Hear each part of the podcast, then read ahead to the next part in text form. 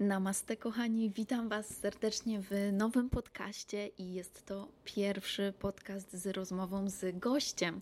Ogromnie się cieszę, że tym gościem jest Ania Kęska, znana z bloga Ania Maluje.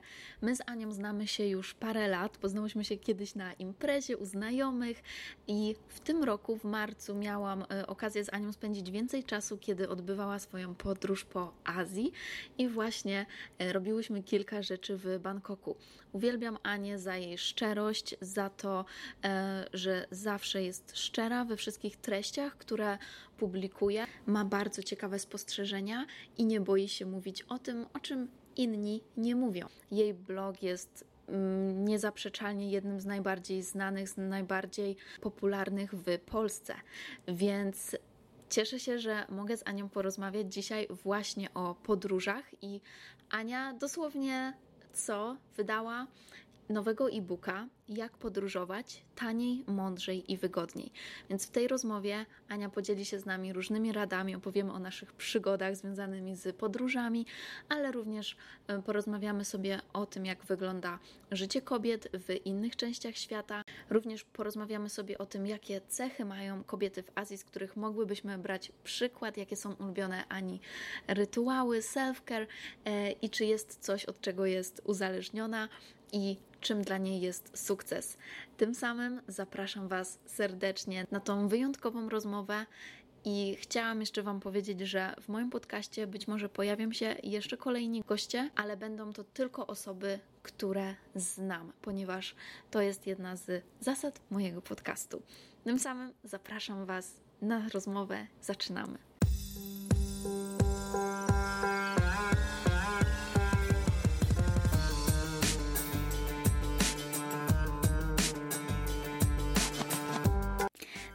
Namaste, witaj w podcaście Just Delicious Yoga. Nazywam się Justyna Połeć, jestem nauczycielką jogi certyfikowaną w Indiach, uczę jogi, medytacji, jak poczuć się smakowicie w swoim ciele, odnaleźć siebie, obudzić potężną kobiecą energię, naprawić kobiecy cykl i żyć pełną gębą. W tych odcinkach przez żołądek do serca będziemy mówić o rzeczach związanych z jogą, ayurvedą, zdrowiem, emocjami, związkami, duchowością, nie mylić z religią, pracą z energią, manifestacją, hormonami, biznesem i innymi, które przyjdą mi do głowy. Znajdziesz tu mnóstwo soczystych kąsków i ucztę dla ducha, gdyż uwielbiam mówić na kosmicznie fajne tematy. Przygotuj kakao lub inny eliksir i zaczynamy! Cześć Ania, witam Cię serdecznie, bardzo się cieszę, że tu jesteś. Cześć Justyna, dziękuję za zaproszenie. Cieszę się szczególnie, że możemy nagrać to po raz drugi, ponieważ pierwszy raz z, ze względów technicznych nam nie wyszedł, ale dziękuję, że znalazłaś ponownie czas i ja tylko głęboko wierzę, że e, jeszcze lepiej będzie nam się rozmawiać po raz drugi. Ja również, wierz mi, nie dla każdego wstałabym o siódmej rano. Tym bardziej Ci dziękuję. E, no i chciałam zaznaczyć, że właśnie nagrywamy ten podcast, kiedy ja już jestem w Bangkoku, a Ania jest w Warszawie, więc e, sami rozumiecie, że technika na wysokim poziomie, bo wszystko działa. Ania, przede wszystkim e, pierwszą rozmowę nagrywałyśmy jeszcze przed premierą e-booka, a teraz już jesteśmy po tej premierze, właściwie w środku. E, ja jestem bardzo podekscytowana na premierę Twojego e-booka, dlatego że ja sama wiem, co to znaczy wydawać e-booka, z jakimi emocjami to się wiąże, że to jest po prostu e, takie dziecko. Więc chciałam Cię zapytać, jak Ty się teraz czujesz? No, ja czuję ogromną ekscytację. Myślałam, że to będzie wyglądało trochę inaczej, że będę w stanie napisać jakiś post e, albo, no nie wiem, podziałać bardziej aktywnie. Tymczasem okazuje się, że e, przez pierwszy dzień, jak zahipnotyzowana, patrzyłam w, we wszystkie te mm, wiadomości z feedbackiem e, że ludziom się podoba, że nie wiem, przeczytali, dowiedzieli się tego i tamtego. No to było niesamowite. Oj tak. To jest taka satysfakcja z pracy, którą wykonałaś właśnie. Jestem mega ciekawa, Ile Ci zajęło stworzyć tego e-booka? Wiesz co, bardzo długo. Myślę, że dużo za długo z takiej perspektywy biznesowej i jeśli chodzi o inwestycje swoich sił w to.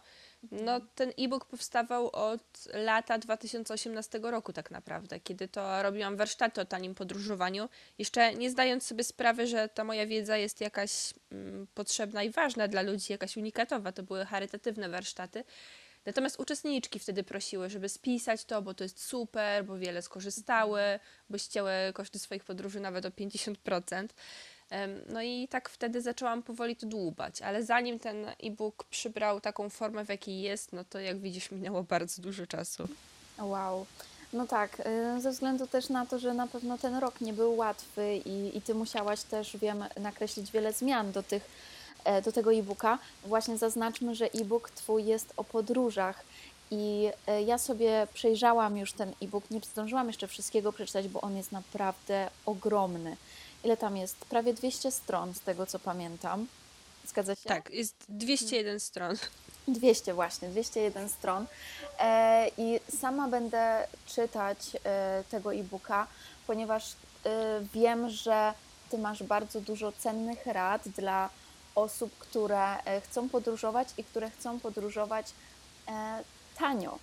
E, I to mnie, wiesz co, bardzo ciekawi, dlatego że ty może pamiętasz, e, kiedyś może wspominałam Ci, że ja jestem z lotniczej rodziny. E, mój tata był szefem pokładu przez 30 lat, mój dziadek był pilotem, mama stewardesą, więc dla mnie, ja w podróży czuję się jak w domu. Dla mnie lotnisko to jest miejsce, w którym czuję się bezpiecznie, w którym czuję się po prostu, że żyję, ponieważ od dziecka byłam zabierana w te podróże z moimi rodzicami i byłam, e, mogłam zobaczyć dzięki temu przeróżne miejsca na świecie, za co jestem niesamowicie wdzięczna. Ale e, właśnie ciekawe jest to, że teraz, kiedy czytam Twojego e-booka, dowiaduję się o tak wielu rzeczach, o których jakby Kiedyś nie myślałam, że, że to może być problem dla innych. Na przykład mhm. e, taka pierwsza, dalsza podróż, e, podajmy na to samolotem. Czy masz jakieś rady dla osób, które właśnie pierwszy raz by się wybierały w taką podróż? E, bardzo cieszę się, że o tym mówisz, ponieważ ja długo pracowałam z testerami tego e-booka żeby on był bardzo zrozumiały dla osób, które właśnie są na takim levelu totalnie początkujących i zawsze z, ze strachu przed tym, że sobie nie poradzą, korzystali z mhm. usług biur podróży, gdzie już na lotnisku ktoś się tobą zaopiekuje i od początku do końca mm, masz poczucie, że nie jest nic na twojej głowie. E, jeśli chodzi o pierwszą podróż samolotem, to przede wszystkim Dobra, część osób się ze mną nie zgodzi, ale ja jestem wielką fanką tego, żeby uważać na to, jakimi treściami się karmimy. I tak jak nie słucham żadnych podcastów o zbrodniach, bo sprawia to potem, że ja się czuję um, zaniepokojona i wszędzie dostrzegam zagrożenie, tak nie polecam oglądać żadnych katastrof przy stworzach lotniczych, bo to tylko nakręca, ludzie są w emocjach i, i mm, nie sprawia, że czują się komfortowo na pokładzie tego samolotu. Oprócz tego na spokojnie obejrzałabym filmiki e, z lotnisk, które mają przygotowane instruktaże o tym, co możesz wyłożyć na taśmę, czego nie możesz. Każdy przeszedł już kiedyś tą drogę. Jest mnóstwo vlogów, gdzie można zobaczyć ludzi przychodzących odprawę od, nie wiem, od początku do końca, więc nie ma tego elementu zaskoczenia. Teraz w 2020 um, wszystko, co chcesz zrobić, prawdopodobnie już ktoś zrobił, więc e, na spokojnie można korzystać z jego doświadczeń. E, z takich praktycznych porad to wzięłabym coś na wyrównanie ciśnienia, czyli nie wiem, gumę do rzucia, żeby wyrównać sobie ciśnienie w uszach. I dawkę optymizmu, e, dobrego humoru i dobrego nastawienia, bo najgorsze jest właśnie to negatywne nastawienie. Naoglądać się tych katastrof, nasłuchać się o tym i potem siedzisz jak taki kłębek nerwów, e, przerażony każdym dźwiękiem, jaki wyda samolot. No, po co komu te emocje? Zgadzam się, Zgadzam się z Tobą całkowicie. Powiem Ci, że y, ja, kiedy dorastałam i mój tata był ciągle w samolocie, bo przecież to była jego praca, E, nigdy się nie bałam o niego, ale e, kiedy raz właśnie natrafiłam na film z jakąś katastrofą lotniczą, w ogóle zdałam sobie sprawę, że kurde, rzeczywiście to jest jakaś totalna katastrofa. Natomiast e, nigdy jak byłam mała nie bałam się latać. Ja uwielbiałam y, w ogóle latać samolotem. Miałam jeszcze tą przyjemność, że przez kapitanów byłam brana do kokpitu i mogłam być na starcie, na lądowaniu, więc jakby, y, jakby coś to nikomu tego nie mówiłam, bo oczywiście to jest zabronione, ale y, tak tylko śniło mi się i, i muszę Ci powiedzieć, że teraz bardziej się boję latać niż jak byłam mała. Nie wiem dlaczego, ale os ostatnim razem jak leciałam i była jakaś większa turbulencja, to rzeczywiście poczułam strach. Natomiast y, myślę, że Ty dobrze znasz te statystyki, że tak naprawdę przecież y, podróże samolotem są jednymi z najbezpieczniejszych, prawda? Tak, to prawda. Są najmniej awaryjne, najmniej wypadkowe, z tym, że wiesz, jeżeli już raz na bardzo rzadki czas zdarzy się jakiś tragiczny wypadek z udziałem samolotu, to to jest na wszystkich e, serwisach medialnych i nie zdajemy sobie sprawy, ile w tym czasie było wypadków samochodowych, ile potrąceń na pasach dla pieszych. E, na przykład Polska bardzo wysoko jest niestety w rankingach. E, także e, jeżeli spojrzeć na to racjonalnie, popatrzeć na liczby, to samoloty są jednym z, naj, z najbezpieczniejszych środków transportu, bo muszą przechodzić naprawdę rygorystyczne testy i zresztą sama wiesz, że samolot nie wyleci, jak coś, coś się dzieje nie tak. Tak, to prawda. E, I właśnie tak sobie myślę, że jest dużo osób, które boi się latać. E, tak jak mówię, mi też się zdarza, że przechodzi mnie jakiś strach, więc to, co ja bym mogła po, polecić, to właśnie przede wszystkim pozytywne myślenie, tak jak Ty tutaj powiedziałaś. E, I też muszę przyznać, że niektórzy używają jakichś środków łagodzących. To jest taki temat e, właśnie też myślę subiektywny, ale niektórym dobrze robi, kiedy wchodzą na pokład i na przykład biorą sobie drinka i dzięki temu potrafią mhm. się wyluzować bardziej podczas podróży. Znam y, takie osoby mi bliskie, które właśnie muszą coś takiego zrobić i wtedy mogą lecieć i jest wszystko w porządku. Więc mimo, że ja tutaj raczej nie promuję takich środków, ale y, myślę, że w jakichś takich sytuacjach, kiedy y, musimy wykonać tą podróż, a boimy się, je, ma to sens. I właśnie o tych gumach, o których wspomniałaś, to jeszcze tutaj taka rada od, ode mnie, tego dziecka lotu, E, to też mogą być miętusy, takie po prostu coś, żeby ssać, albo jak już się wydarzy, że nic nie mamy, to żeby po prostu przełykać ślinę. Dokładnie tak. To naprawdę bardzo pomaga, bo ten szum w uszach potrafi zaskoczyć e, osobę, która pierwszy raz leci samolotem. No jednak zmienia się wysokość, więc zmienia się ciśnienie i to może być mały dyskomfort. To prawda, mnie y, zawsze bolą te uszy bardzo szczególnie właśnie przy lądowaniu, więc to jest coś, o czym bardzo, bardzo warto pamiętać, a reszta pójdzie sama. E, właśnie, jak już mówimy o tym lataniu, to powiedz mi, gdzie byś chciała się wybrać, kiedy już będzie to możliwe, kiedy wszystko będzie otwarte, cały świat będzie otwarty. Mam ogromny głód Azji, wróciłabym tam z wielką radością, ale najbardziej chciałabym to zaplanować tak, żeby zahaczyć też o Tokio, bo to jest wielkie moje marzenie i taki sobie wypisałam kiedyś cel, um, zaczynając pracę nad tym e-bookiem, że w nagrodę za wydanie zafunduję sobie wycieczkę do Japonii. Miałam już nawet ściągnięte mapki, kiedy wszystko kwitnie, no ale wtedy pandemia pokrzyżowała plany.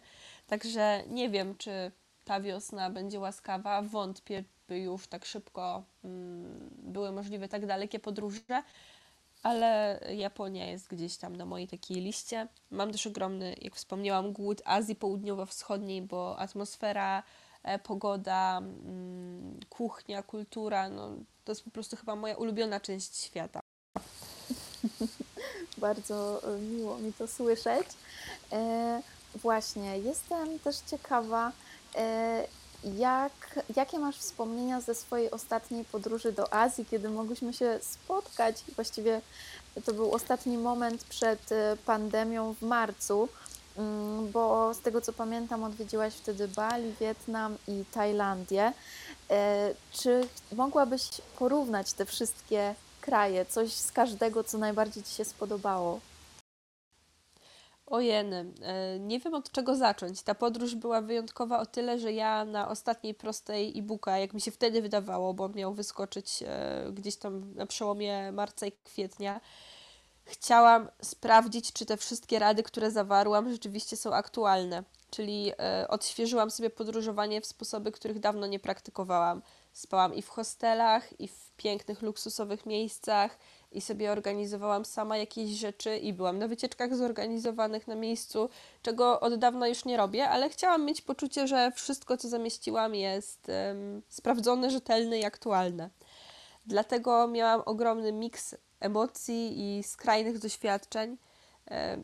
Bardzo ciężko mi jest e, porównać te miejsca i Bali, i Wietnam, i Tajlandia są zupełnie inne mimo e, bliskości geograficznej, ale spróbujemy. Bali jest wyspą harmonijną, spokojną, albo inaczej. Też ciężko jest mi tak powiedzieć. Wiesz, tak się teraz nad tym zastanawiam i wydaje mi się, że każde miejsce jest w pewnym sensie takie, jakie chcemy zobaczyć bo ja doświadczyłam Bali takiego duchowego, pięknego, mm, z niesamowitą przyrodą i przepysznym jedzeniem, ale w tym samym hostelu, w którym spałam, było dużo australijskich surferów, którzy mieli wieczną imprezę, pod wpływem alkoholu jeździli na skuterze i dla nich Bali było atrakcyjne, dlatego że są wysokie fale do surfowania i jest bardzo tanio. Także mm, tak sobie teraz myślę, że każdy może z tej samej podróży w to samo miejsce przynieść zupełnie inne emocje i inne doświadczenia. Natomiast, dobra, to przejdźmy do Tajlandii. Tajlandia jest żywa, jest intensywne życie nocne, jest street food rozwinięte, czego brakowało mi w Wietnamie, gdzie jest tego zauważalnie mniej. ludzie są niesamowicie uśmiechnięci i otwarci. To też jest różnica, bo w Wietnamie są bardziej tacy jednak zamknięci i potrzebują chwili, żeby się przed tobą otworzyć, a w Tajlandii na, na samym wejściu są po prostu dla ciebie otwarci i um, nie wiem nawet jak to określić. To jest rodzaj otwartości, której nie widziałam dotąd chyba nigdzie. Ja też. I jeszcze został ci Wietnam. Mhm. I właśnie myślę, jak wypowiedzieć się o Wietnamie, żeby pokazać, jak on bardzo różni się od Tajlandii.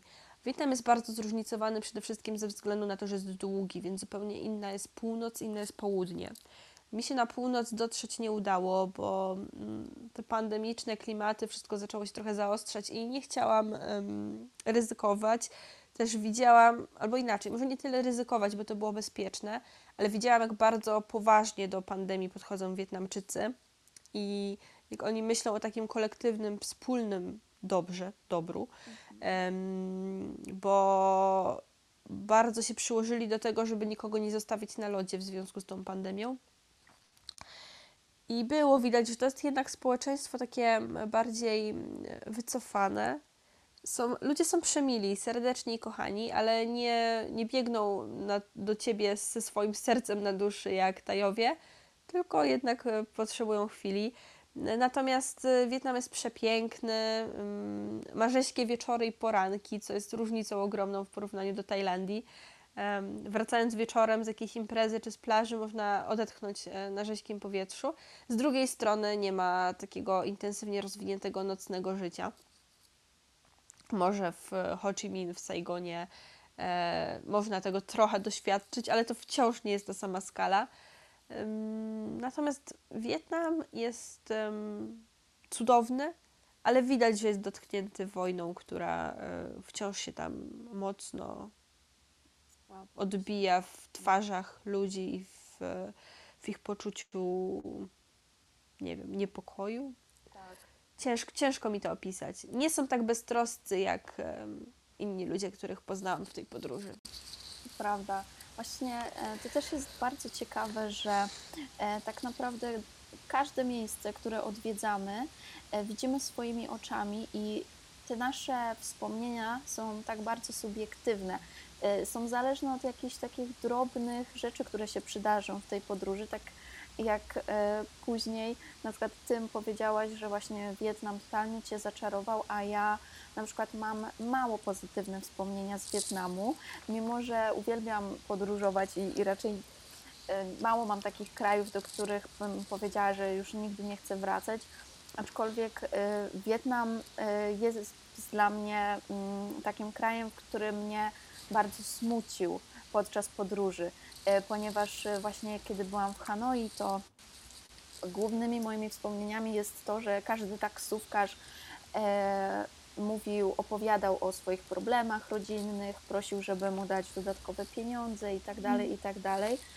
E, więc mm, to jest ciekawe, że właśnie ze swojej perspektywy możesz to powiedzieć i dla mnie to jest ciekawe, że ty, e, ty byłaś w wielu więcej miejscach w Wietnamie, e, więc możesz powiedzieć, że, e, że dla ciebie ten kraj był ciekawy i e, miałam okazję być drugi raz w Wietnamie niedawno, w innym miejscu i, i było lepiej. Muszę przyznać, że było lepiej, aczkolwiek dalej to po prostu nie jest moje miejsce, więc Mhm. to jest, y, to jest ciekawe, że każdy z nas może mieć właśnie takie inne miejsca, które sprawiają nam e, mega przyjemność, żeby w ogóle tam być. E, Wiem, że ty na, chyba kiedyś pisałaś, że e, nie, nie jesteś fanką Paryża. A ja muszę Ci powiedzieć, że co do Paryża, to akurat nie spędziłam tam dużo czasu, ale generalnie uwielbiam Francję, bo podróżowałam po lazurowym e, wybrzeżu. I e, to jest, to jest ciekawe, że dopiero tak naprawdę tą Europę zaczęłam tak bardziej doceniać, e, kiedy podróżowałam po innych częściach świata i wracałam do Europy i miałam takie wow, to jest jednak coś, coś jest takiego w tej Europie, że też e, jest nie, po prostu niepowtarzalna. To jest e, bardzo fajne, co teraz powiedziałaś, bo mi się rzeczywiście w Paryżu niezbyt podobało, to nie jest mój klimat. E, Natomiast później zdarzyło mi się napisać na blogu taki tekst, że kiedyś nie podobało mi się w Paryżu, ale dzisiaj podoba mi się nawet w Sieradzu, co jest prawdą, bo Sieradz też zwiedziłam, że jakby zmienił się trochę mój mindset i zaczynam wyłapywać e, dobre rzeczy i te, które są piękne i sprawiają mi jakąś radochę. Także Mało jest teraz takich doświadczeń z podróży, które są dla mnie negatywne. Nie umiem tego określić. To jest też trochę tak. ym, jeszcze wrócę na sekundkę do Wietnamu. Mi się nie udało dojechać na północ, ale rzeczywiście jest coś takiego, że im wyżej e, podróżujesz po kraju, bardziej na północ, tym ludzie byli bardziej zmartwieni. No to jest też chyba kwestia tego, że Wietnam jest niemal dosłownie podzielony na pół. Bardzo komunistyczna e, północ i bardzo wolnościowe południe. Teraz oczy- oczywiście kraj mm, ma jedno zarządzanie. Jest to bardzo dziwny miks komunizmu z kapitalizmem. Natomiast e, to, co powiedziałaś, e, jest prawdziwe. E, ludzie są tam bardziej przejęci, zmartwieni, ubożsi. Nie wiem, do czego chciałabym wrócić teraz. Zagubiłam się w swojej wypowiedzi. Ale nie musimy tego wycinać. Okej, nie, e, ja tylko później mówiłam o tej Europie, więc nie wiem, czy o tym jeszcze coś chciałaś dodać. Ach, tak, że Europa jest y, ogromnie różnorodna i przepiękna i powinniśmy to doceniać, że mamy tak wiele kultur, tak bardzo blisko od siebie. Bo jednak podróżując po świecie trzeba pokonywać te odległości dużo większe, a u nas nie trzeba się daleko wychylać, żeby trafić do miejsca, które ma zupełnie inną kuchnię, inny język, a wciąż tą samą strefę monetarną, wszystkich ludzi znających język angielski, e, bardzo dobrze rozwiniętą infrastrukturę. Także mm, Europa jest super i warto, warto korzystać. Dokładnie, zgadzam się. E, właśnie, jak jesteśmy przy tych takich bardziej już bliższych podróżach, to chciałam Cię zapytać, czy może zdradziłabyś kilka e, rad Twoich, bo w końcu też mm, w tym się specjalizujesz, właśnie o tym piszesz w e-booku, e, o takich rzeczach, e, które mogą nam pomóc odbyć podróże bez dużych kosztów. Może jakaś chociaż jedna rada. Oj, oczywiście, te bliskie podróże są tak naprawdę bardzo łatwe.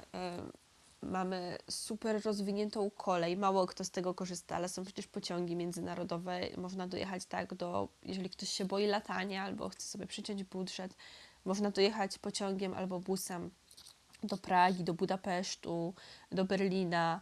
E, To też są piękne miejsca, które warto zobaczyć. Można sobie zrobić nawet fajnego Eurotripa, że nie wiem, podróżujesz przez noc, e, zwiedzasz jedno miasto, śpisz w hostelu i potem jedziesz do kolejnego miasta. E, Jest możliwości ogrom. Po drugie, jeśli chodzi o te bliskie podróże, to mm, mamy też to poczucie, że jeżeli coś nas przerazi, zagubi, to wciąż w sklepie spożywczym znajdziemy produkty spożywcze, które, które znamy i które lubimy, więc ten poziom rzeczy, które są poza naszą kontrolą, jest dużo niższy niż przy dalekich podróżach i warto sobie robić takie wprawki podróżnicze. Zresztą ja uważam, że podróżowanie po świecie jest dokładnie takie samo jak podróżowanie po Polsce nawet. Więc jeżeli ktoś się boi, to yy, wsiąść w pociąg, wysiąść w jakimś mieście, w którym się nigdy nie było, pochodzić, pozwiedzać i wrócić, yy, złapać tego bakcyla. Yy, to jest naprawdę takie samo jak podróżowanie po świecie, tylko e, na trochę mniejsze odległości i trochę mniejszą skalę. Dokładnie. E, myślę, że właśnie z czasem każdy, kto podróżuje, robi się coraz bardziej pewny siebie, coraz bardziej odważny, e, ale od czegoś trzeba zacząć przecież, nie? Zdecydowanie tak. Ja też zaczynałam od bardzo budżetowych podróży. Jedna z takich moich pierwszych to była właśnie konferencja w Paryżu, która to była konferencja o prawach człowieka. Organizatorom zależało na tym, żeby zrobić na niej tłum, czyli opłacali wszystko z wyjątkiem ubezpieczenia, przejazd autokarem oraz nocleg. No, wyżywienie było we własnym zakresie. I w, w ramach tego wyjazdu byłam w stanie zwiedzić Paryż. Był cały jeden dzień dla mnie. E, byłam też w Wilnie za 100 zł i miałam naprawdę bardzo skromniutki budżet jako studentka. Natomiast udało się ogarnąć jeszcze wtedy polskiego busa, dzisiaj Flixbus, który przez noc dowiózł mnie do, do pięknego Wilna, zwiedzić miasto, przespać się w hostelu bardzo tanim, zjeść coś na miejscu. Na pewno miałam też jakieś własne kanapki, bo to był naprawdę 100 zł, to jest e, mikroskopijny budżet. Natomiast udało mi się zobaczyć kolejną e, europejską stolicę, liznąć kultury i wrócić. I mam na swoim koncie wiele tego typu przeżyć i bardzo je polecam. Ekstra. Właśnie przecież nawet jest takie przysłowie do odważnych świat należy. Więc to się pięknie łączy. Właśnie jak mówimy o tej odwadze, to jak już jest ta odwaga, to co według Ciebie y, kobieta, która podróżuje samotnie, powinna sobie zapewnić w podróży? Na pewno tego mnóstwo, ale może, może zechcesz powiedzieć. Z przyjemnością. A wiesz, że to jest takie bardzo e, typowo e, polskie pytanie, takie z naszego okręgu bo jak ludzie mnie pytają, czy się nie boję podróżować sama po świecie, to to pytanie zupełnie inaczej mnie uderza, kiedy jestem tutaj w Polsce i y, mam na świeżo um, doświadczenia związane z tym, jakie to jest poczucie wracać późnym wieczorem samemu przez miasto, albo wiem, że nie poszłabym sama w nocy pobiegać do parku. Mhm. A gdy byłam w Azji, to nie czułam żadnego strachu wracając, nie wiem, o trzeciej w nocy sama po imprezie przez Wietnam, bo miałam ochotę ochłonąć i zażyć wyżkiego powietrza. Jedyne niebezpieczeństwo, jakie mogło mnie spotkać, to e, raz przestraszył mnie szczur, który po prostu e, przebiegł moją drogę tak nagle, bo prawie na niego nastąpiłam i wiesz, po prostu to był jedyny bodziec, który sprawił, że podskoczyłam. Tymczasem w Europie e, czasami głowa lata ci dookoła ciała, ściskasz nerwowo klucz, nie wiem, e, przyspieszasz kroku albo zmieniasz trasę, jak słyszysz, że zbyt długo ktoś idzie tą samą trasą co ty. E, także mm, ta różnica jest ogromna. Ciężko mi ją opisać. Mam wrażenie, że nasz krąg kulturowy jest trochę bardziej niebezpieczny pod tym względem. Natomiast jeśli chodzi o takie podstawowe zasady, warto mieć taki głośny alarm. To nie są drogie rzeczy, to jest taki mały breloczek z zawleczką. Jak wyciągniesz, to on wydaje ogromny, ogromny, bardzo hałaśliwy dźwięk, który wyje gorzej niż alarm samochodowy. Także to jest w stanie przestraszyć każdego, albo przynajmniej zwrócić uwagę wszystkich ludzi w promieniu wielu, wielu metrów, y, że coś się dzieje. Y, to jest taki malutki, tani gadżet, który bardzo podnosi poczucie bezpieczeństwa i też na luzie można go przewieźć przez wszystkie bramki, to nie jest gaz pieprzowy, to nie jest jakiś kastet, e, to jest coś e, nieszkodliwego, nie zrobi nikomu krzywdy, a bardzo potrafi sprawić, podnieść to poczucie bezpieczeństwa. E, po drugie, warto mówić komuś zaufanemu, gdzie jesteś, meldować się. Jak ja byłam sama w podróży i chociaż bardzo lubię niezależność, to też odmeldowywałam się gdzieś tam na, na grupie czy w relacji te stories dla bliskich znajomych, co robiłam danego dnia i że wszystko ze mną w porządku żeby nikt się nie martwił, bo był też taki moment, że ja odpoczęłam od relacjonowania stories ze swojej podróży na kilka dni. No i okazało się, że bardzo wielu odbiorców się o mnie martwi, czy, czy wszystko w porządku, czy nic mi się nie stało. E, także też warto troszkę pomyśleć o innych, myśleć o swoim bezpieczeństwie. E, Zdecydowanie, tak.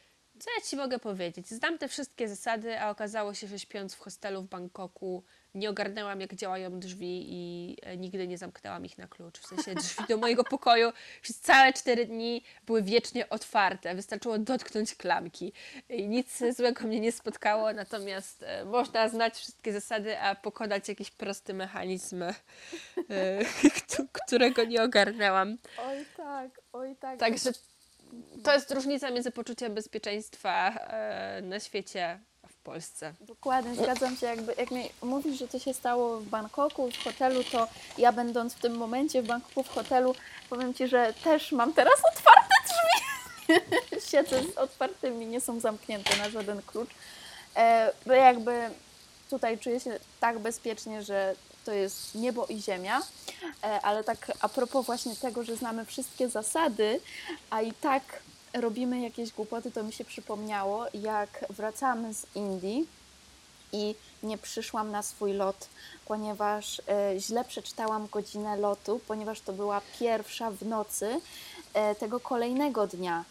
I mi się Mhm. coś po prostu pomyliło i ja byłam pewna, że lecę nie tego dnia, tylko następnego dnia. A wiesz, tyle razy leciałeś samolotem i po prostu jestem pewna, że no, mi coś takiego się nie przydarza. Po prostu to jest niemożliwe. Mhm. I co? E, Siedzę sobie na śniadaniu, moja mama do mnie pisze, że no i co, tam jesteś już na y, w Doha, na przesiadce? A ja tak, no co ty, przecież ja dopiero jutro lecę. Nie sobie wyobrażasz, e, jaki to był stres, jakie to były nerwy. Tak, może na pocieszenie dla wszystkich powiem, że y, nawet w takich katastrofach, teraz już mogę się z tego śmiać i takie katastrofy też nas zawsze czegoś uczą. Oj, dokładnie tak. Mi się wydawało, że jestem bardzo doświadczona w podróżowaniu, a pod koniec chyba 2018 wracałam z koleżanką z Madrytu. Siedziałyśmy na lotnisku, byłyśmy tam na czas, gadałyśmy w najlepsze, po czym okazało się, że zmienili gate, a my jesteśmy wywoływane już chyba ze 3 czy 4 razy, bo y, nie sprawdziłyśmy, że zmieniła się tam o pół godziny godzina wylotu. Byłyśmy na czas, tymczasem wskoczyłyśmy do tego samolotu dosłownie na ostatnią chwilę. Oh my god, dobrze, Wiesz, że. Już byłyśmy wywoływane, a siedziałyśmy y, na jakiejś kawie w innej części lotniska, więc też nie słyszałyśmy tych komunikatów, że pani Anna Gęsko proszona pilnie. Y, także każdemu może się zdarzyć taki moment rozluźnienia i y, rozkojarzenia. No to są rzeczy ludzkie, tak? To prawda. Właśnie chciałam też zaznaczyć i ostrzec, że, bo moja mama pracuje na lotnisku i e, bardzo często się zdarza, że ludzie już są, e, już czekają na swój lot, ale e, nie dochodzą do gate'u, ponieważ samolot odlatuje, a oni się zatrzymują w McDonaldzie. I przez to omijają swój lot. Powiem Ci, że po swoich doświadczeniach z Madrytu jestem bardziej łaskawa i łatwiej jest mi to zrozumieć, bo no, pra- prawie sama nie, nie zdążyłam na swój lot, będąc na lotnisku, będąc po kontroli bezpieczeństwa, także Zgadza się. Zresztą, kurczę, wiesz co, mi się, jak e, spotkam kogoś w metrze, albo jak umawiam się z moją najlepszą przyjaciółką i jedziemy razem metrem, to jeszcze się nie zdarzyło, żebyśmy wysiadły na dobrej stacji, bo się tak zagadamy, że zawsze przejedziemy. Oj, dobra. Pośmiałyśmy się. I teraz, wiesz, e, chciałam tak jeszcze e, Cię zapytać, czy podróżując po tych wszystkich miejscach, bo to jest niesamowite, w wielu miejscach Ty byłaś, mm, dostrzegłaś em, różnice, czy, czy przyglądałaś się różnicom e, w wychowaniu kobiet właśnie, w ich e, życiu, szczególnie pewnie tutaj możesz dużo powiedzieć o Azji. E, To jest taki już bardziej e, poważniejszy temat, e, ale właśnie jestem ciekawa Twojej opinii o, o życiu kobiet w Azji. ojeny, to mi zadałaś teraz pytanie, które może trochę zasmucić e, odbiorców, słuchaczy tego podcastu, ponieważ e, warto sobie uświadomić, jakimi my jesteśmy szczęściarami, żyjąc tutaj i mając możliwości, mogąc wybrać przeróżne ścieżki kariery, mogąc się kształcić. E, Azja pod tym kątem wiele razy mnie zasmuciła. No niestety o Kambodży mówi się, że jest światową e, stolicą wirusa HIV i prawda jest taka, że wiele kobiet, a także dzieci, co jest po prostu przerażające, e, zarabia na życie prostytucją. Tylko, że to jest wszystko zupełnie inaczej kulturowo postrzegane niż u nas. Taka młoda dziewczyna ma do wyboru albo pracę w szwalni, i tutaj też z perspektywy aktywistów e, europejskich, wiecie, chcemy regulować czas pracy w tych szwalniach i inne rzeczy, nie zdając sobie trochę sprawy z tego, co będzie, jak zabraknie tej szwalni. Jeżeli e, przeniesiemy szwalnię z Azji e, do, do Europy, ok, i co z tymi ludźmi? Gdzie oni teraz znajdą zatrudnienie? To są bardzo skomplikowane tematy takie, które wydawały mi się kiedyś jasne i oczywiste, jestem za godnym wynagrodzeniem dla każdego człowieka. Natomiast różnice w zarobkach między Azją Południowo-Wschodnią, mówię o przeciętnych ludziach, bo są warstwy, które żyją jak pączki w maśle i, i mają wiele możliwości. Myślę, że Bangkok też jest zupełnie inny od e, jakiejś prowincji w Tajlandii pod tym kątem. Natomiast e, no, przeciętni ludzie mają dużo mniejszą paletę y, zawodów do wyboru niż my. No i bardzo to jest smutne właśnie w kontekście kobiet, gdzie no nie, nie wiem, czy też masz tego typu spostrzeżenia, że młode tajki pracujące y, jako prostytutki y, utrzymują w ten sposób często całe swoje rodziny i rodzice są z nich dumni, że, oni, że one zapewniają im byt, nie wiem, swoim starszym, schorowanym rodzicom, często swojemu rodzeństwu. E, I to jest zupełnie inna sytuacja. Teraz przez pandemię te dziewczyny nie mają nawet tej szansy zarobku. To jest e, tak skomplikowany i trudny, smutny temat, że nie wiem nawet jak to określić. Zgodzę się. To jest mm, bardzo ciężki temat e, i myślę, że właśnie podróżując do Azji też powinniśmy mieć to na względzie. Ja pamiętam, jak w ogóle wyjeżdżałam do Tajlandii i wiesz, tyle, ile ja się dowcipów nasłuchałam za każdym razem, jak powiedziałam, że jadę do Tajlandii, że a, że w ogóle ladyboye, tak, i że w ogóle po jaką turystykę tam się jeździ i tak dalej. byłam, byłam przerażona e, i jakby teraz dochodzę do takiego wniosku, że rzeczywiście to jest, to jest tak bardzo zależne od tego, co Ty chcesz zobaczyć podróżując. Ja w ogóle mieszkając tutaj przez pierwsze miesiące nie, w ogóle nie był, się nie zetknęłam z y, prostytucją, nie widziałam prostytutek na ulicy i tak dalej, i tak. Aczkolwiek w Bangkoku jest taka ulica, tak, gdzie, która jest znana z tej prostytucji. Teraz w tym momencie e, od już miesięcy ta ulica w ogóle nie funkcjonuje, więc oczywiście te kobiety też nie mają pracy. I tutaj to jest tak bardzo ciężko ocenić, e, no bo to jest, to jest w jakimś sensie ich wybór, ale e, jest jakieś przyzwolenie przez pewną część społeczeństwa na to, aczkolwiek z, z tego społeczeństwa, w którym ja się e, tutaj obracam, no to jednak to jest już taka klasa bardziej średnio zamożna, więc tutaj, że tutaj tej klasie jak nikt nie, by nie przyzwalał na, e, na prostytucję, mhm. e, aczkolwiek to jest bardzo duży problem właśnie e, dla osób pochodzących z prowincji.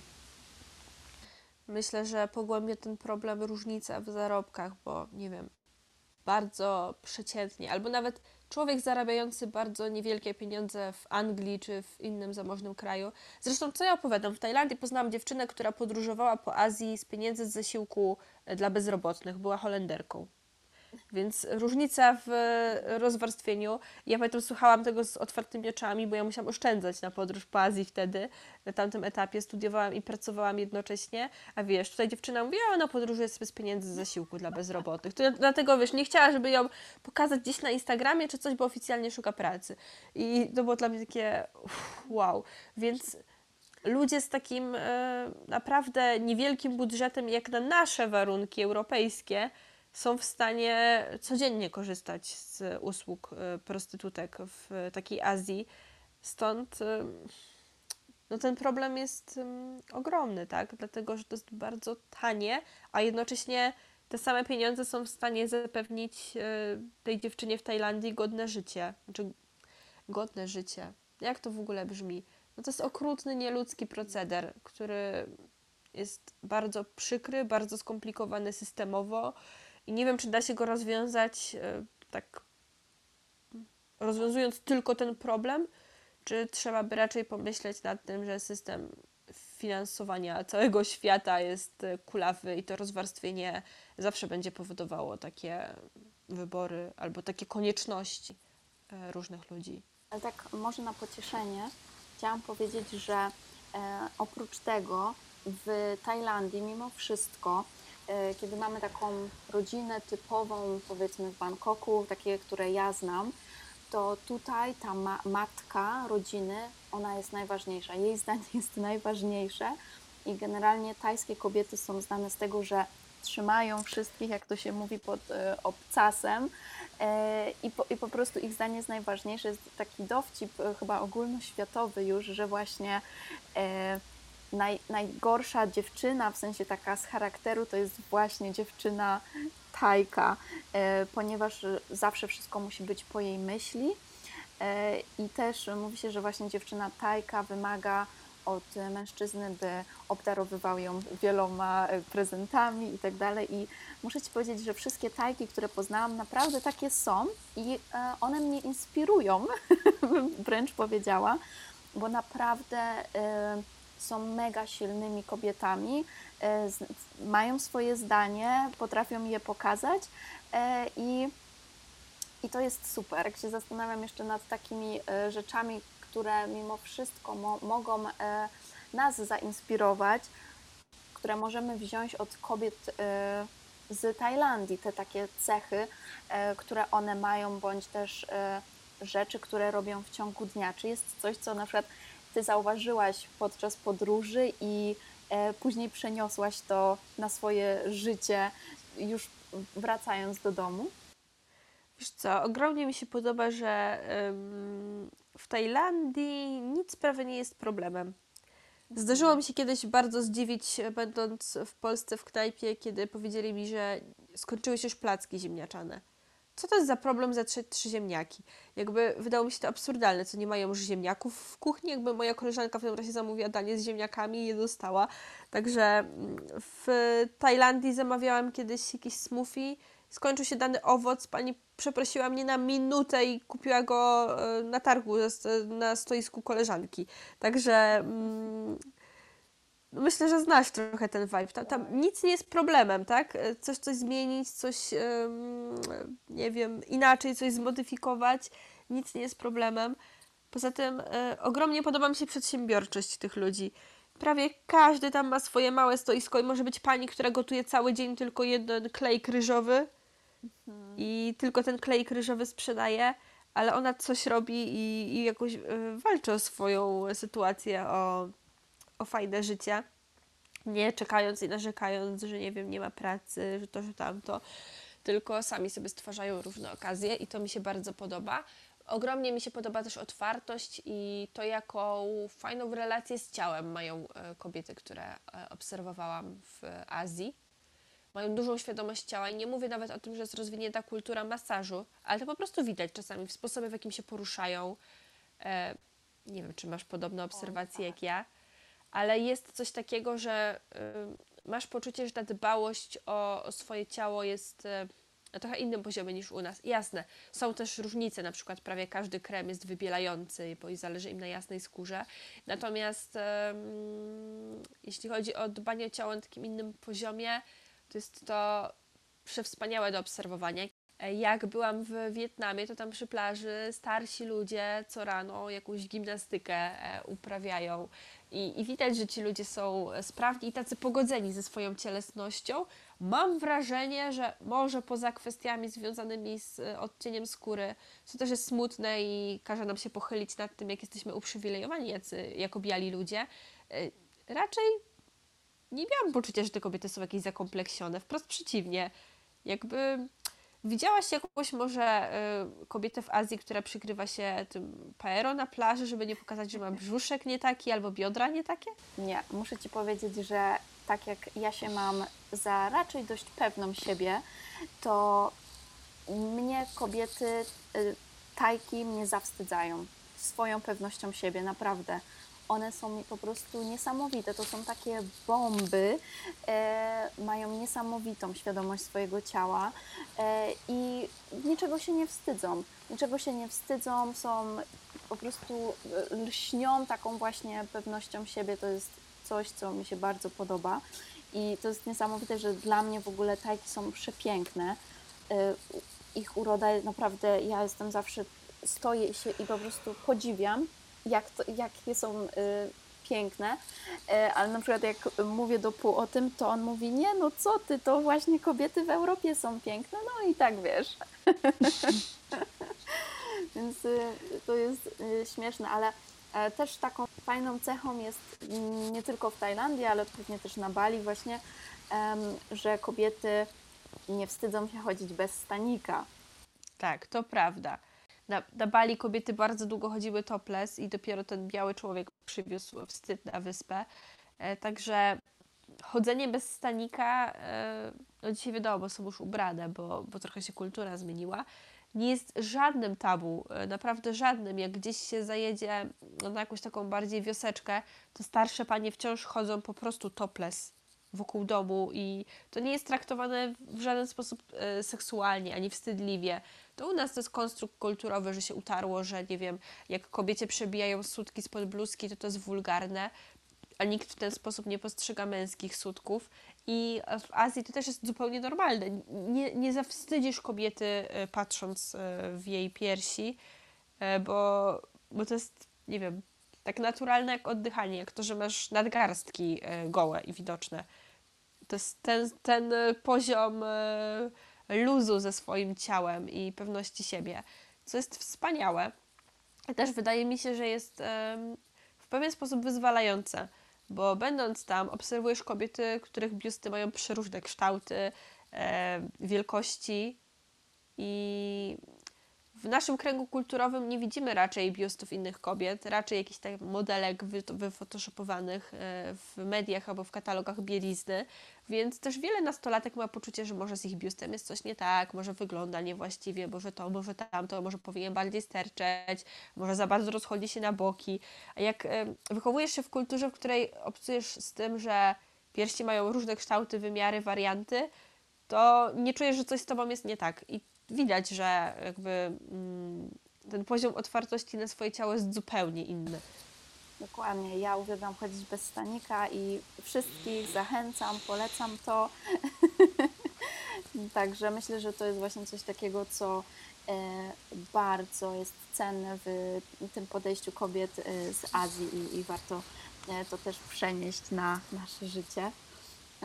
Więc teraz już tak chciałabym przejść na koniec bardziej do takich mniej podróżniczych tematów. Chciałam Cię zapytać, jak radzisz sobie, by zbalansować właśnie Twoją pracę? Wiem, że masz mnóstwo zleceń, masz mnóstwo pracy z życiem e, Twoim prywatnym i czy masz pewne granice, które stawiasz w prowadzeniu swoich social mediów, e, jakieś rzeczy, którymi nie chcesz się dzielić? Mm, jak sobie tutaj radzisz?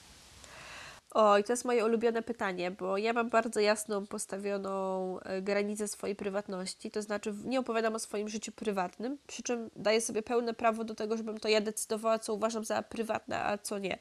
Dlatego na przykład nie pokazuję moich znajomych i przyjaciół, którzy e, nie, nie są aktywni w social mediach w tym samym poziomie co ja, E, z dwóch powodów. Po pierwsze, dlatego, że oni sobie mogą tego nie życzyć, a po drugie, że ci, którzy mogliby nie mieć z tym problemu, nie zdają sobie też sprawy, z czym to się wiąże. Ja przez tyle lat jestem odporna na, na, na takie krytykanstwo i nie wiem, na jakieś przytyki. E, jest zawsze taka śmieszna historia, bo raz na jakiś czas ktoś, jakiś chłopak, wrzuci jakieś moje zdjęcie z e, Instagrama gdzieś na jakiś wykop to jest w ogóle prześmieszne. Na przykład, nie moje zdjęcie ze spaceru w Barcelonie e, ściąga z mojego Instagrama i wrzuca spotkałem taką dziewczynę na spacerze i opisuje jakieś swoje rzekome przygody ze mną. To jest w ogóle jakiś absurd. I powiem Ci, że zawsze wtedy zdarza się w komentarzach jakaś kobieta, która pisze, że nie wiem, e, jestem e, w wydekoltowanej sukience, bo pewnie chcę odwrócić uwagę od swojego nosa. To jest dla mnie tak abstrakcyjne, bo ja nie mam żadnego problemu ze swoim nosem i zastanawiam się, o co im chodzi. Jakby nie wiem, mój nos jest jaki jest, nigdy nie miałam na jego punkcie kompleksów i, e, i to jest takie śmieszne. E, Też dlatego... zauważyłam, żebyś miała coś źle ze swoim... Ale powiem Ci, że to się e, powtarza często. Że miałam taką teorię, że zwracamy u innych na to, co boli nas w nas samych w jakimś tam poziomie. E, Więc e, może z tego to wynika. Natomiast ja wiem, że inni mogą nie być gotowi na to. To znaczy, ja zamieszczę zdjęcie z kimś, a ktoś w komentarzach napisze, że o, twoja koleżanka mogłaby się, nie wiem, lepiej ubrać, albo ma nie taką fryzurę. Kogoś to może mocno zaboleć, kto nie jest z tym obyty, więc chciałabym chronić przed tym moich bliskich i nie wciągać ich w, w tego typu emocje, na które mogą nie być przygotowani. E, Druga sprawa jest też taka, że ja wiem, że jakie miałam cele, kiedy zakładałam tego bloga i swoje e, social media. Ja chciałam inspirować ludzi, e, prowadzić bloga dla takiej młodszej siebie. I to, że ja będę opisywała życie prywatne, po pierwsze tylko odwróci od tego uwagę, po drugie będzie stale przesuwać tą granicę, bo to nie jest tak, że odpowiedź na jakieś pytanie zaspokoi ciekawość ludzi. Na sekundkę. Zaraz sprowokuję kolejne pytanie. Jak powiesz, że z kim się spotykasz, to zaraz będzie, a gdzie się poznaliście, a jak długo, a coś tam. Jak się potem rozstaniesz, to trzeba się z tego gęsto tłumaczyć, będą jakieś pytania, teorie. E, Ja tego unikam, bo nie mam na to ochoty, nie mam też na to czasu, chociaż wiem, że to się pięknie klika, bo nic się nie klika, tak jak jakieś śluby, dzieci, rozwody, dramy, no, no to po prostu wiesz. Statystyki eksplodują, tak? Ludzie kochają ploteczki też to rozumiem. Natomiast ja nie chcę takich ploteczek dostarczać, bo chcę się skupić na, na wartości, którą niosę. Aczkolwiek sama z przyjemnością oglądam profile, gdzie dziewczyny są bardziej otwarte na dzielenie się swoim życiem. Więc to jest taka moja dwoistość zabawna, bo nie mam e, jako odbiorca żadnego problemu z tego typu treściami. Natomiast e, sama nie chcę takich e, wypuszczać e, do sieci. E, Zaś jeśli chodzi o balans między pracą a życiem prywatnym, to akurat teraz jestem w takim momencie, że niezbyt mi to wychodzi, bo premiera e-booka to e, naprawdę ogrom pracy, której nie widać. Mam nadzieję, że troszkę zwolnię w grudniu. Na listopad jeszcze mam jakieś tam rzeczy do zrobienia. Natomiast e, staram się zawsze pomedytować, zrobić trening. Em, Miałam taką zasadę, teraz jest chwilowo zawieszona na czas tej premiery, ale że niedziele są tylko dla mnie. Czyli niedziela to jest taki hedonistyczny dzień, kiedy skupiam się na swoich przyjemnościach, swoim relaksie, w ogóle nie, nie siadam do żadnej pracy. E, Także mm, to było takie pozwalające złapać trochę dystans i oddech w tej całej gonitwie. E, Natomiast jest, em, jestem ciekawa, jak ludzie odbiorą to, co teraz mówię, bo jest pewnie takie wyobrażenie, że jeżeli ktoś pracuje w social media i w internecie, to pewnie co, doda jedno zdjęcie dziennie i elo, to jest jego praca. E, No to tak nie, wygląda, nie wygląda. Tak, no to myślę, że Co tu może męczyć, nie? No, wiemy, że to No, jest dużo jest takie rzeczy. proste, tak. E, Mnóstwo rzeczy behind the scenes, że tak powiem, maili, stresu i, i bycia kreatywnym i tak dalej, i tak dalej. Także wiem, z czym to się je. Właśnie miałam Cię zapytać o takie Twoje ulubione self-care rytuały. E, Wiem, że na pewno jednym z nich są kąpiele, bo zawsze dodajesz też na stories e, kąpiele i lody. Aż się rozmarzyłam. Wynajęłam to mieszkanie ze względu na to, że miało wannę, taka jest prawda. E, bardzo lubię gorące kąpiele, olejki aromatyczne i taki mój rytuał to jest wanna pełna piany, mm, świeczki, lody karmelowe w ręku i jakaś książka. I potrafię siedzieć w wannie niestety ze 3-4 godziny i mówię to serio. Po prostu siedzę w wannie, jak woda się robi trochę chłodna, to y, trochę wylewam, trochę dolewam, w tym czasie robię sobie świeżą herbatkę i wracam do tej wanny na kolejne dwie godziny, aż skończę czytać książkę. E, To jest po prostu dla mnie przeniesienie się na chwilę w inny świat. Z innych rytuałów to bardzo lubię mm, pomedytować i zrobić sobie jakiś trening. Ja co prawda nie złapałam takiego flow z jogą jak ty. E, oglądam zawsze z e, bananem na twarzy wszystkie te twoje zdjęcia nowych asan, znaczy nowych asan, one nie są nowe, nie wymyślasz ich, ale e, jak pokazujesz jakieś kolejne. Natomiast ja nie umiem złapać flow z jogą, może musiałabym dać jej więcej szans, albo nie wiem, wybrać się kiedyś na twoje zajęcia. Natomiast lubię sobie zrobić taki trening, przy którym się zmęczę, jest intensywny i dynamiczny, bo też moje myśli wtedy w ogóle nie krążą wokół jakichś moich problemów, tylko e, udaje mi się je zresetować. Rozumiem. Y, Wiesz, ja nie mam w ogóle takiej potrzeby zmuszania osób do Mhm. jogi, jeżeli nie podoba im się yoga, bo uważam, że po prostu każdy ma swoje preferencje, może potrzebować czegoś innego. Ale myślę, że gdybyś spróbowała ze mną takiej dynamicznej jogi, to rzeczywiście mogłabyś powiedzieć coś więcej może o jodze, czy właśnie czy ci się podoba, czy jednak na pewno nie. Ja jestem bardzo otwarta i yy, chętnie bym kiedyś spróbowała. Miałyśmy chyba spróbować jakieś hot yogi w Bangkoku, nie? Tylko coś nam nie wyszło.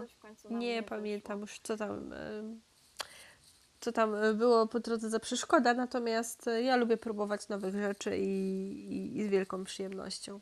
Mam nadzieję, że przyjedziesz jeszcze kiedyś do Bangkoku i pójdziemy sobie razem i na hot jogę, i na tajski boks, bo to są rzeczy, na które bardzo chciałam Cię zabrać. Ja też mam nadzieję, że następnym razem w końcu się uda. Ania, mam e, dwa ostatnie pytania, no może trzy dla Ciebie takie. E, czy jest coś, od czego jesteś uzależniona? Telefon, niestety. Nie, nie wciągnęły mnie nigdy żadne używki, nie palę papierosów, nie zażywam narkotyków, alkohol piję bardzo sporadycznie, ale niestety telefon. Lubię sobie tłumaczyć, że to jest po części moja praca, ale prawda jest taka, że był czas, kiedy miałam z tym większy problem, że telefon był ostatnią rzeczą, którą widziałam przed zamknięciem oczu e, i pierwszą, którą widziałam po przebudzeniu. Wciąż teraz jest jedną z pierwszych rzeczy, które widzę po przebudzeniu, bo budzik mam najgłośniejszy w telefonie, ale y, poza tym go nie dotykam przez jakiś czas. Dzisiaj robimy wyjątek, bo nagrywamy ten podcast bardzo rano. Natomiast pilnuję się, żeby mieć, e, żeby telefon w ogóle nie wchodził do sypialni. Nie ma takiej opcji.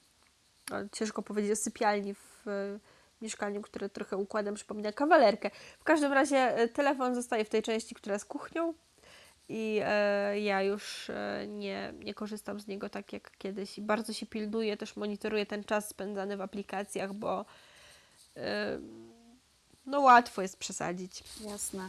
Myślę, że też najważniejsze w tym wszystkim jest, że ty już sama to wiesz, jakby to widzisz i skoro y, jesteś świadoma, no to, no to wiesz, że, że możesz y, z tym walczyć. Ania, tak podsumowując sobie to wszystko, co oznacza dla ciebie sukces i czy planujesz swoją przyszłość na następne 5 lat? Jeśli tak, to czy jest jakieś marzenie, które masz, y, gdzie siebie widzisz? Wiesz co, ja mam bardzo wiele różnych planów, natomiast e, świat się tak dynamicznie zmienia, że jak myślę sobie o tym, jak widziała swoją przyszłość Ania 5 lat temu, to wszystko jest zupełnie inaczej, ale jest dobrze. Jest nawet lepiej niż ja sobie wtedy to wyobrażałam, więc manifestuję sobie jakieś różne rzeczy, ale chyba wolę sobie to jednak zostawić dla siebie.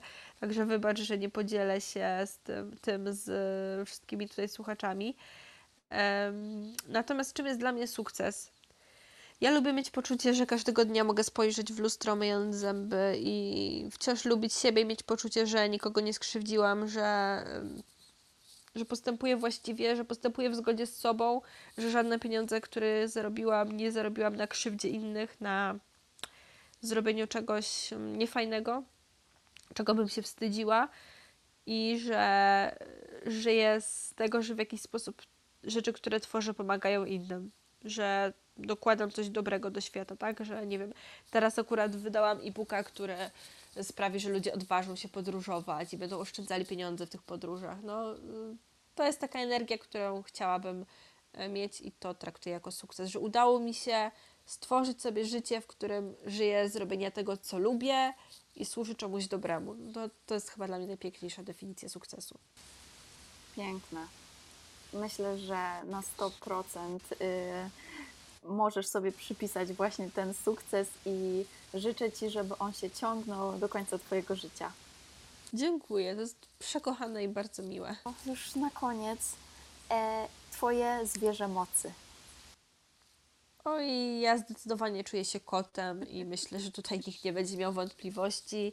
E, Ja e, nie przytulam się z każdym na przywitanie. Wiem, że jest taki zwyczaj e, w Polsce. Nie wiem, że jak poznajesz ludzi, to wszyscy się muszą uścisnąć. Jestem taka wycofana, muszę sama chcieć. Lubię swoje towarzystwo i nie mam z nim problemu, na przykład z podróżowaniem solo. Lubię też towarzystwo innych, ale to musi wynikać ze mnie.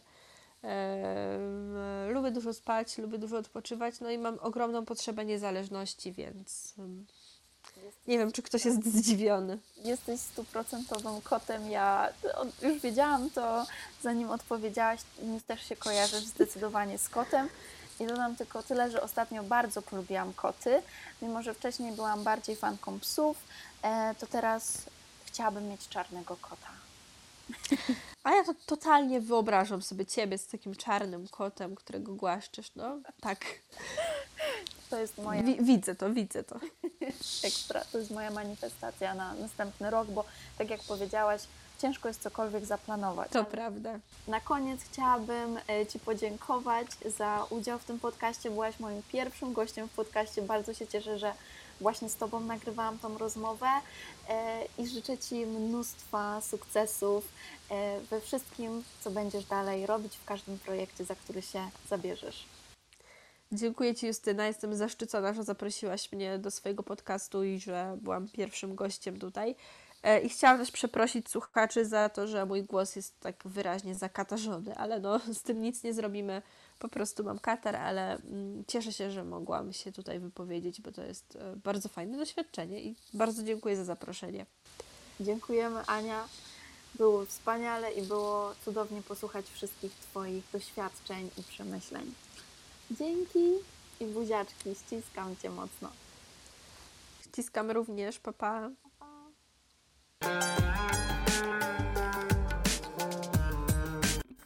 Mm, dziękuję Ci bardzo za wspólny czas. Mam nadzieję, że znalazłeś tutaj wiele pysznych kąsków i byłabym bardzo, bardzo wdzięczna, jeżeli zostawisz swoją recenzję i ocenę podcastu. Mam nadzieję, że 5 będzie mi cholernie miło, jeżeli podzielisz się tym podcastem z przyjaciółmi, bo w ten sposób więcej osób może zaspokoić swój apetyt na świadome życie. Koniecznie otaguj mnie na Instagramie, bym mogła podziękować Ci osobiście, bo to dzięki Tobie więcej osób może mnie odnaleźć. Chcę pomagać większej ilości osób, dlatego proszę podziel się tymi przesmakami z innymi innymi. Oni też na pewno będą Ci wdzięczni. Jeśli chcesz więcej pyszności, zobacz moje e-booki i programy jogi, wchodząc na moją stronę. Jeśli masz jakieś pytania lub propozycje kolejnych tematów, wyślij DM na Instagramie. Życzę Ci wspaniałego dnia lub nocy, gdziekolwiek jesteś. Namaste.